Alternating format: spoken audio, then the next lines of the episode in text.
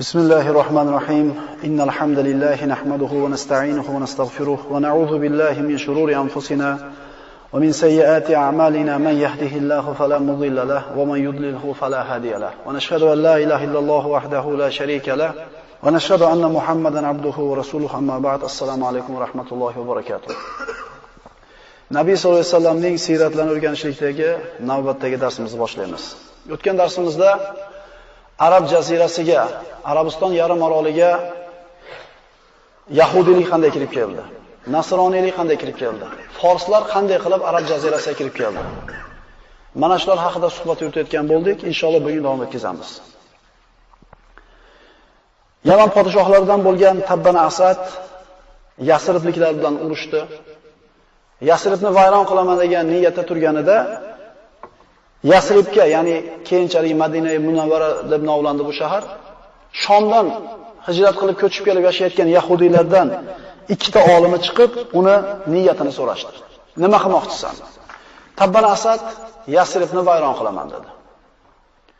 Bu yahudlar aytdiki, unda Alloh seni halok qiladi. Sen hargiz Yasribni yenga olmaysan. Chunki bu oxirgi zamon payg'ambarini hijrat qilib keladigan joy edi. Buni qanday qilib bildinglar deganda, Tavrotni, tavhidni, dinni nimaligini tushuntirib berdi. Ular mushrik edi. Tabban Asad Yahudi diniga o'tdi. Tabban Asad mana shu e, Yasribdan qaytib o'zini yurtiga qaytib kelar ekan, yo'lda Makkaga yaqinlashmasdan turib, Tabban Asadga Huzayl qabilasidan bir to'p odamlar uchradida, unga senga xazinalar berkitilgan bir joyni ko'rsataylikmi deganida ha dedi. Huzayliklar Yamanliklarni ham yaxshi ko'rmas edi. Ham yaxshi ko'rmas edi. Mana shu ikkita o'zlari yomon ko'rgan qabilani bir-biri bilan urushtirib qo'ysa, ikkala dushmanidan ham teng qutulishlik o'zlariga fursat deb bildida, Makkaga borsang, Ka'ba Ka'bani ostiga Ana shu qavmlar uni izzat ikrom qilib Ka'bani hurmatidan ichiga ostiga xazinalar ko'milgan. Haqiqatan bir qancha qabilalar Ka'ba-i muazzamani bir hurmat qilishlik maqsadida xazinalarni Ka'bani ostiga ko'mib qo'ygan edi. Tabban Asad mana shu moli dunyodan ta'ma qilib qo'shinini Makkaga yurishlikka buyurdi hamda urushga tayyorgarlik ko'rishlikni ulardan talab qildi. Boyagi Yasribda uni Yasribliklar bilan urushmaslikka targ'ib qilgan hamda Tabban Asadni yahudiylikka o'tishligiga sabab bo'lgan ikkita yahudiy olimi Yamanliklarni yahudiylikka da'vat qilish uchun birga ketib borardi. ular bilan. Yo'lini bu yoqqa burayotganligini ko'rib, uni niyatini so'raganida, men dedi, ana shu Makka ahli bilan urushib, Ka'ba ostidagi xazinalarni olmoqchiman dedi. Bu ikki yahudi uni yana fikrdan qaytardi. Huzaylliklar seni faqat halol qilishlikni xohlashibdi. Esingdan chiqmasin. Yer yuzida Alloh uchun qurilgan, ibodat qilish uchun qurilgan birinchi uy ana shu Makka mukarramadagi Ka'ba bo'ladi dedi. Alloh subhanahu va taolo Qur'onda nima degan edi? Astagfiru billah. Inna awwala baytin wudiya lin-nas lallazi bi Bakkata mubaraka va hudan lil alamin. Albatta odamlar ibodat qilishlari uchun qurilgan birinchi uy Makkadagi muborak va butun olamlar uchun hidoyat mayogi bo'lgan Ka'badir. Yahudlarda juda ko'p ma'lumotlar bor. Ka'bani Alloh taoloning uyi ekanligi, payg'ambar sollallohu alayhi vasallamni sifatlari, bo'ladigan ishlar, bularning hammasini xabari bor edi. Tabban Asad bu ikkala yahudiydan unda nima qilay deb so'radi. Sen Ka'bani tavof qil, uni ulug'la, uni ziyorat qil dedi. Tabban Asad bu ikkala yahudiyga, nimaga o'zinglar uni ulug'lab tavof qilmaysizlar bo'lmasa dedi. Ular aytdiki, Makka ahli Ka'bani butlar bilan, sanamlar bilan to'ldirib yuborgan. Agar shunday bo'lmaganida biz tavof qilar edik. Biz ahli ilmmiz, olimmiz, bizga bunday qilishlik mumkin emas dedi. Tabban Asad ularning gapiga quloq soldi. Makkaga kirdi, Ka'bani tavof qildi. Uni ulug'ladi. So'ngra Ka'bani oldida yotib uxlar ekan, Tabban Asad tush ko'rdi. Mana endi hozir Ka'batullohga kisva yopishlik tarixi shu yerdan boshlanadi. Tushida Tabban Asad Ka'batullohning ustiga yopinchiq yopiltirayotganini ko'rdi.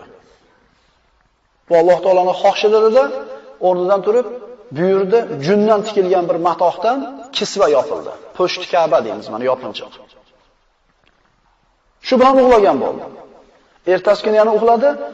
Endi ertasi ko'rgan tushida kechagidan ko'ra qimmatroq bo'lgan, afzalroq bo'lgan matohdan Ka'baga po'shti Ka'ba yopib ekanligini ko'rdi. Uyg'ondida eng qimmat bo'lgan matohdan boshqa po'shti Ka'ba tishlikka buyurdi hamda o'rab qo'ydi. Mana shunday qilib Ka'batullohga kisva o'rashlik shunday boshlandi. Har yilda Ka'batullohni ustiga po'shti Ka'ba yopilardi, to Abdul Muttolib zamonigacha yetib keldi. E, kisvani ustiga kisva, kisvani ustiga kisva yopilaverganidan og'irlashib ketib ko'payganligidan kisva. Ka'bani devorlari yiqilishga yaqin bo'lganda Abdul Muttolib zamonida hammasi olib tashaldida, faqat bitta kisva qoldirildi. Har yili bittadan kisva Ka'batullohga yopiladigan bo'ldi.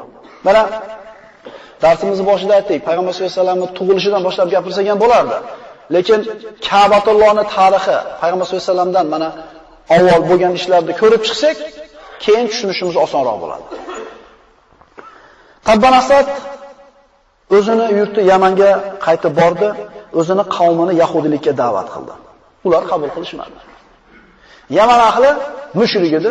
Ular sig'inadigan narsalar qatorida o'tga ham sig'inishardi. Ularda shunday bir odati bor ediki, kohinlar, munajjimlar, sehrgarlar ularga singdirib qo'ygan shunday bir urf-odatlar bor edi. Shulardan bittasi bir uyni ichiga baland qilib olov yoqishgan edi. U eshik uyni eshigini yopib qo'yishar edi. Baland olov yonadi. Agar ularning orasida ikkita odam kelisha olmay qolsa, Yamanliklardan ikki kishi kelisha olmay qolsa, ikkala husumatlashayotgan odamni mana shu eshikni oldiga olib kelib turib, eshikni shart ochishardi. Albatta, baland yonayotgan o't eshik ochilishi bilan chiqadi tashqariga. Shunda o't chiqib, qaysi tomonga tegsa, o'sh tomonda nohaq deyshadi. Ya'ni shirkdan bu, johillikdan kohinlar shu narsalarni bo'ladi shekilli. Ba'zi ifodatlarimiz bor. Alhamdulillah, bir 20 yil buyog'i bilan buyog'ini taqqoslasak, uyatamiz haligini qilganligimizni o'ylab turib. Ilmsizligimizdan bo'lgan. Lekin alhamdulillah, diniy bilimlar ko'payib borgan sari bunga o'xshagan xurofotlar o'z-o'zidan chiqib ketadi. Mana bu Yaman ahli mana shu tarzda kim haq, kim nohaq ajratishar edi. Yahudilikka Tabban Asad o'zini qavmini chaqirganda ular quloq solmadi. Kelinglar, o'rtaga hakam qilib o'tni belgilaymiz deydi. Yahudi olimlari ham rozi bo'lishdi. Eshikni oldiga bir tomonga kohinlar ularni ishini yurgizadigan, ikkinchi tomoniga yahudlar turishdi. Yahudlar Tavrotni tilovat qilib, Allohga duo iltijo qilib turishdi. Eshik ochildi, o't kohinlarga qarab yurdi. Kohinlar qo'rqib orqaga qochib ketishdi. Shunda qavm nimaga qochasizlar? Nimaga hukmga rozi bo'lmaysizlar? Turinglar o'rninglar dedi. O'tda eshigini yopishdi. Boshqatdan ochganida yana kohinlarga tegdi. Ikkinchi marta ochilganda ham kohinlarga tegdi. Ular turib berishdi, o't kuydirib tashladi.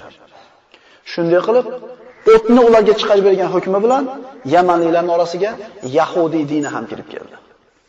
Vallohu alam, lekin bizga Yaman ahlini yahudilikka kirish haqida yetib kelgan xabar mana shu. Tabban Asad yahudilikni Yamanga olib keldi. U o'lganidan keyin uni o'rnini Hasson o'g'li Hasson mulkni egalladi. Hassonning mulki kengaydi, quvvati ziyoda bo'ldi, haddidan oshdi, g'ururga ketdi. Aytdiki, arablarda hammasi bilan jang qilaman dedi. Arablar bilan ham, ajamlar bilan ham jang qilaman, hammasini ustidan men yakka hukmron bo'laman. Katta qo'shin to'pladi. To'plab turib, dunyodagi eng qudratli katta mamlakat qaysi deb so'radi. U davrda Fors edi. Forslar dedi. Shulardan boshlaymiz dedi. Qo'shinni oldi, yo'lga chiqdi. Hassonni bu qilayotgan ishidan ayonlar rozi emas edi. Chunki Forsga qarshi urushlikka ularda kuch-quvvat yo'q edi. Hech kim jur'at qila olmasdi forslarga chiqishlikka. Lekin Hassonni bu fikrdan qaytarishga iloji bo'lmadi. Hasson nihoyatda ehtiyotkor, xushyor odam bo'lgan. Hech qaysi odamni o'zini huzuriga taftish qilmasdan turib kirgizmas edi. Faqatgina bitta ukasi Amr, o'zini haqiqiy ukasi Amr taftish qilinmasdi, qurol bilan kirib kelsa ham unga biror narsa demasdi. Ayollar Hassonni ishdan olib tashlashning iloji yo'q. O'ldirmoqchi bo'lishdida bu haqida yig'ilishib Amirga mana shu fikrlarni aytishdi. Ey Amir, akangni to'xtatib bersang, ya'ni o'ldirib bersang, undan keyin mulkni senga beramiz. Chunki akangni to'xtatmasang, Fosga yuradigan bo'lsak, bizni Foslar yengib halok qiladi dedi. Amir akasini o'ldirishi haqidagi bu taklifni eshitib turib, mulkdan, davlatdan ta'ma qilib umid qildida rozi bo'ldi. Unga maslahat bergan ayonlar, kiborlarning ichida faqat bitta Zurvayn ismli kishigina bu fikrdan qaytardi. E Amr bu ishni qilmagan. O'zini akasini o'ldirgan odamni bir musibat, g'am egallaydi dedi. Lekin Amr mulkdan umidvor bo'lgani uchun gapga quloq solmadi. Shunda e, Zurvayn bir qog'ozni olib ozgina xat yozdida, yopib turib, muhrlab Amrga berdi. Agar bu gapimni olmaydigan bo'lsang, haqiqatan akani o'ldirmoqchi bo'lsang, mana xatni ol, senga omonat bir yerga qo'yib qo'y, turib tursin. So'raganimda shu xatni chiqarib berasan dedi. Amr akasi Hasson g'aflatda turganida xanjar bilan akasini o'ldirdi. Mulkni unga berishdi. Fors bilan urushmasdan qaytishdi. Mana shu akasini o'ldirganligi, akasini qotilligi tufayli unga bir g'am, g'ussa yetdi. Qayg'uga botdi. Shunday bir dardga, musibatga uchradiki, uxlolmay qoldi. Har xil yo'llarni qilib ko'rdi, lekin bu narsani birortasi unga foyda bermadi. Munajjimlarni, kohinlarni, folbinlarni, tabiblarni chaqirdi. Ular hammasi yig'ilishib, eshitib, unga shunday maslahat berishdi. Bu sen akang o'ldirgan tufayli yetgan musibat senga. Endi nima maslahat berasizlar dedi? Senga akangni o'ldirishlikka maslahat bergan hammasini o'ldirasan dedi. Qilaman dedi, hammasini bir chekkadan qatl qildi. Endi qatl qilinishlik navbati boyaga xatni yozib bergan Zuruaynga kelganida Ey Amr dedi, meni o'ldirishingdan oldin men senga omonat xat qo'yganman dedi. Shu xatni chiqargan dedi. Xatni chiqardi, ochib o'qidi. Xatda nima yozuv bor edi? Unda quyidagi ma'nodagi bir bayt bor edi. Uyqusini bedorlikka almashtirgan emas, balki xotirjam ko'zi uyquga ketgan kishi haqiqiy baxtlidir. Ahli Yaman xiyonat qildi, lekin bu maktub Zuroyinga uzrdir. Ya'ni men senga aytganman, o'zini dunyosini deb akasini o'ldirdi. Haqiqiy baxtli, saodatli odam, mol mulki, saltanati ko'p bo'lgan kishi emas, xotirjam ko'zini yumib uyquga ketgan kishi. Men senga aytganman o'ldirmagan edi.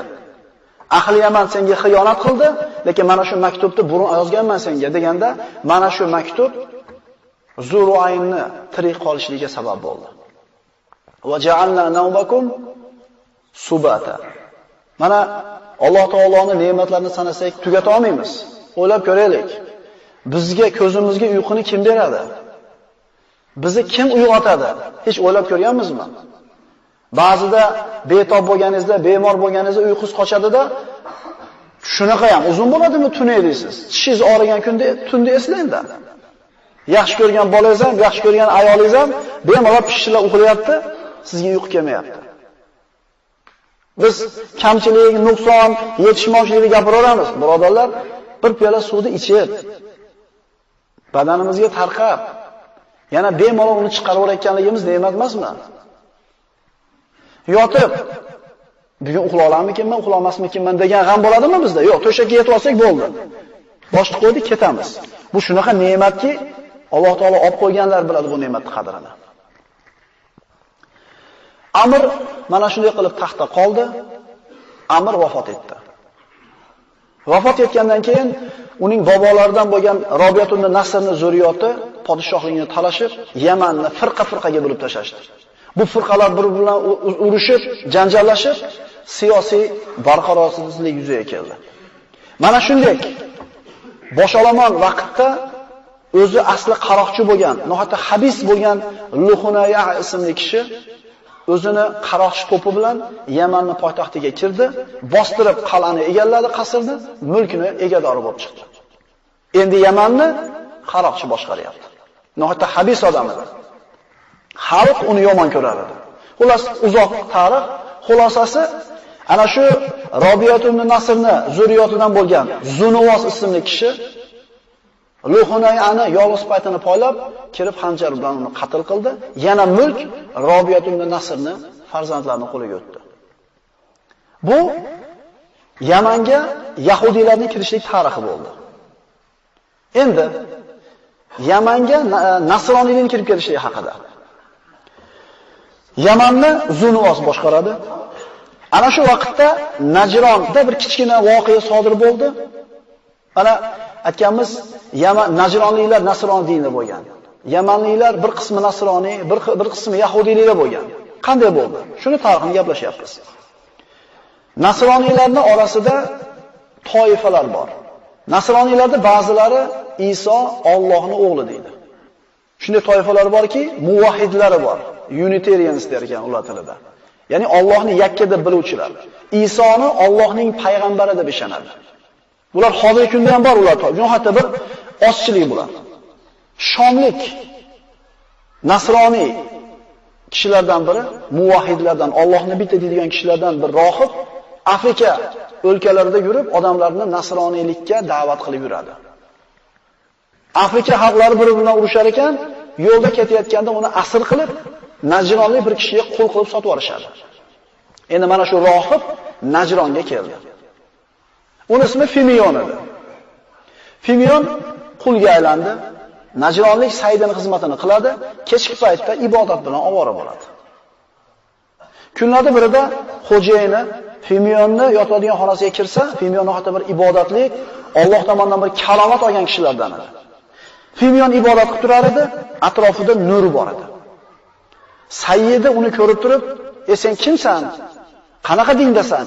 Dini nima?" deganda unga nasroniylikni, tavhidni tushuntirib berdi. Sayyidi nasroniylik diniga o'tmoqchi bo'ldi-yu, lekin o'zini qavmini o'ylab turib ikkilanib turganida Fimiyon aytdiki, "Agar dedi, meni ilohim dedi. Seni sig'inadigan ilohingdan g'olib bo'lsa, yengsa, meni ilohimga sig'inasanmi?" dedi. Najron ahli qiladigan ibodatlardan yana bittasi daraxtga sig'inishar. Ha dedi. Agar seni ilohing meni ilohimdan kuchli bo'lsa, men seni ilohingga sig'inaman. Buyur odamlar to'pladi. To'planishdi. Ana shu o'zlari ibodat qiladigan joyga Najron ahli va Fimiyon to'plandi. Allohga duo, iltijo, tavba tazarru qilib qattiq duo qilib so'radi, Alloh ijobat qildi duosini. Osmondan bir chaqmoq tushdi, daraxtni kuydirib tashladi. Najron ahli nasroniylikka o'tdi.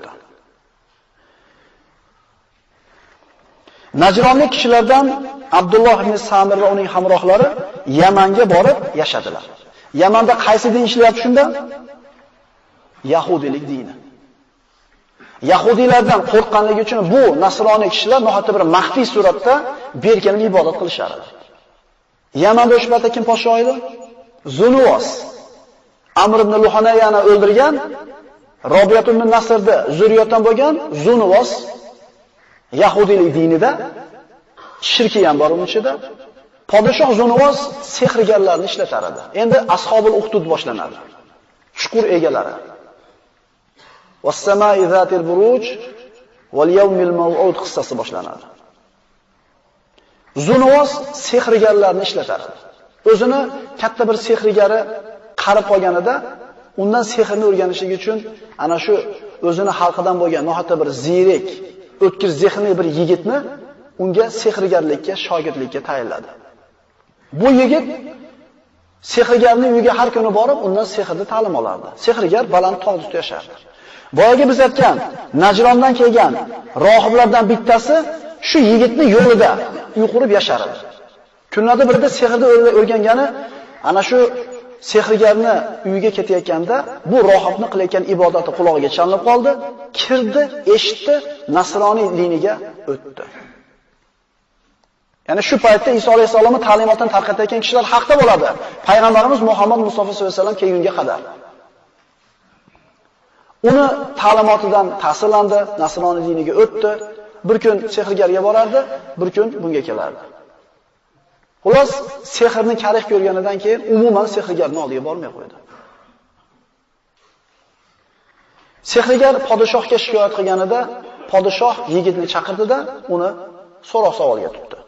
Kunlarda birida yigit ana shu rohibning oldidan kelar ekan, yo'lda katta bir bahaybat hayvon Bidoy va nihoyada keltirilgan. Bidoy nihoyada, Tabariyda, Ibn Kasirda, boshqa bir kitoblarda, mo'tabar kitoblarda keltirilgan ma'lumotlar. Shu katta hayvonni jildirishlikka odamlar toqati, quvvat yetmay turganida yigit aytdiki, mana bugun dedi. Rohibning ishi to'g'riroqmi, sehrgarning ishi to'g'riroqmi shuni bilamiz dedi.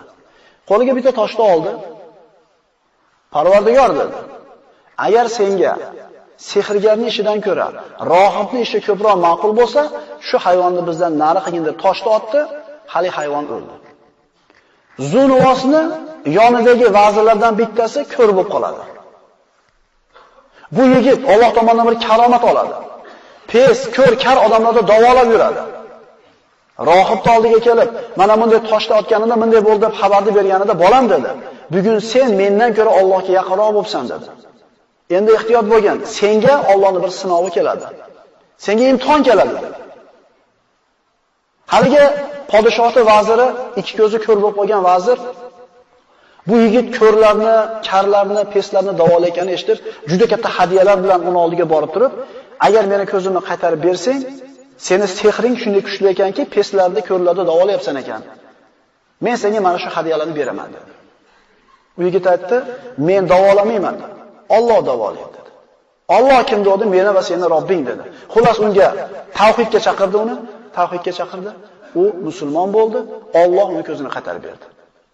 Zulvoz bundan bexabar, vazir ko'zi ochilgan holatda kelganida, "E, seni ko'zingni kim qatar berdi?" dedi. "Robbim" dedi. "E, seni hali mendan boshqa Robbing bormi?" dedi. Azobladi, yigitga dalolat qildi. Yigitni hisob kitob qildi, rohibga bordi. Rohib akala azoblab dinidan qatarmoqchi bo'lganida bosh tortdi, boshidan arrasol ikkiga bo'lib tashlashdi. Vazirni olib kelib dindan fitnalantiruvdi, dindan qaytmadi. Boshidan arrasol ikkiga bo'lib tashadi, dindan qaytmadi. So'ngra yigitni so'roq savol qilishni boshlandi. Yigitni dindan qaytarmoqchi bo'lganda qaytmadi, buni olib borib dengizga cho'ktirib tashladilar. Zunuvos. Kemaga solib dengizning o'rtasiga borishganida dengiz to'lqinlanib, shamol bo'lib, kema to'ntarildi. Yigitdan boshqa hamma askarlar o'ldi. Yigit omon qoldi. Zunuvos uni ko'rib turib, toqqa chiqib tashlab olinglar pastga bo'lmasam dedi. Toqqa olib chiqishdi.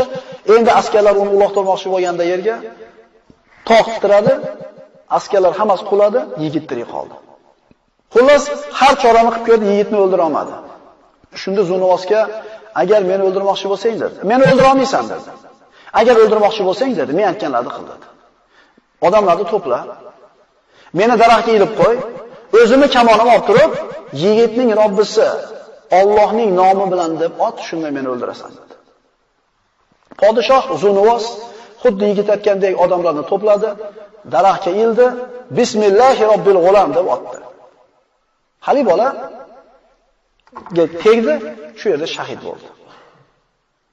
Buni ko'rib turgan qavm albatta bundan ta'sirlandi.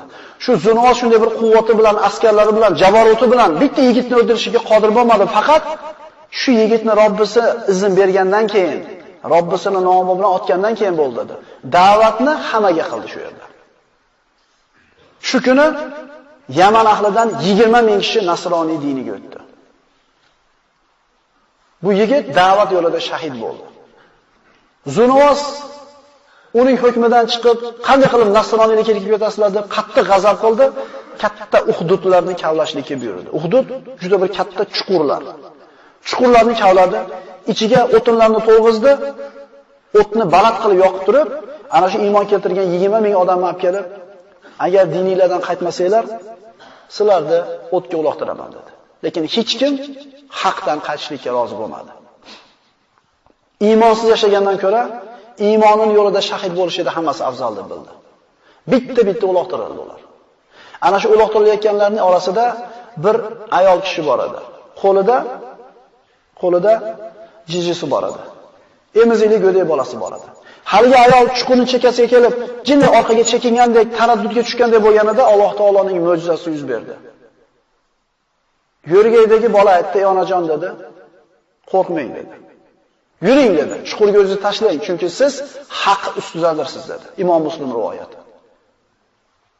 Lekin Alloh subhanahu va taolo bu mu'minlarni jasadlari sharhida keladi bu oyatlarda. O'tga yetmasdan turib o'zini huzuriga ko'tardi ularni. Bu o't musulmonlarning jussalarini kuydirishidan orqalib, shu chuqurda atrofda turgan kofirlarni hammasini kuydirib tashladi. Bu qissani payg'ambarimiz sollallohu alayhi vasallam Buxoriy va Muslim sahihlarida keltirgan hadislarida bayon qildi. Alloh subhanahu va taolo Qur'oni Karimni nozil qildi. Butun boshlik sura mana shular haqida bo'ldi. Bismillahirrohmanirrohim. Was-samaa'i zaatil buruj wal yawmil maw'ud wa shahidin wa mashhud. Qutila ashabul ukhdud an-nar waqud idhum 'alayha qu'ud. وهم على ما يفعلون بالمؤمنين شهود وما نقموا منهم إلا أن يؤمنوا بالله العزيز الحميد burjlar egasi bo'lmish osmonga qasam va'da qilinmish qiyomat kuniga qasam guvoh bo'lguvchi va guvoh bo'linguvchiga qasamki o'tinli olov choh egalari la'nat qilingaylar O'shanda ular chohning ustida o'tirib olgan va mu'minlarga qilayotgan ishlariga o'zlari guvoh bo'lgan edilar. Ular mu'minlardan faqat u mu'minlar qudrat va maqtov egasi bo'lgan Allohga, osmonlar va yerning podshohligi o'ziniki bo'lgan zotga iymon keltirganlari uchungina o'ch oldilar. Alloh barcha narsaga guvohdir. Mulk tolashmadi, mol dunyosini tolashmadi, uni mulkiga hech kim da'vogarlik qilmadi. Allohni bitta deb iymon keltirib qo'yganligi uchun ulardan o'ch olindi. أقول قولي هذا وأستغفر الله لكم السلام عليكم ورحمة الله وبركاته.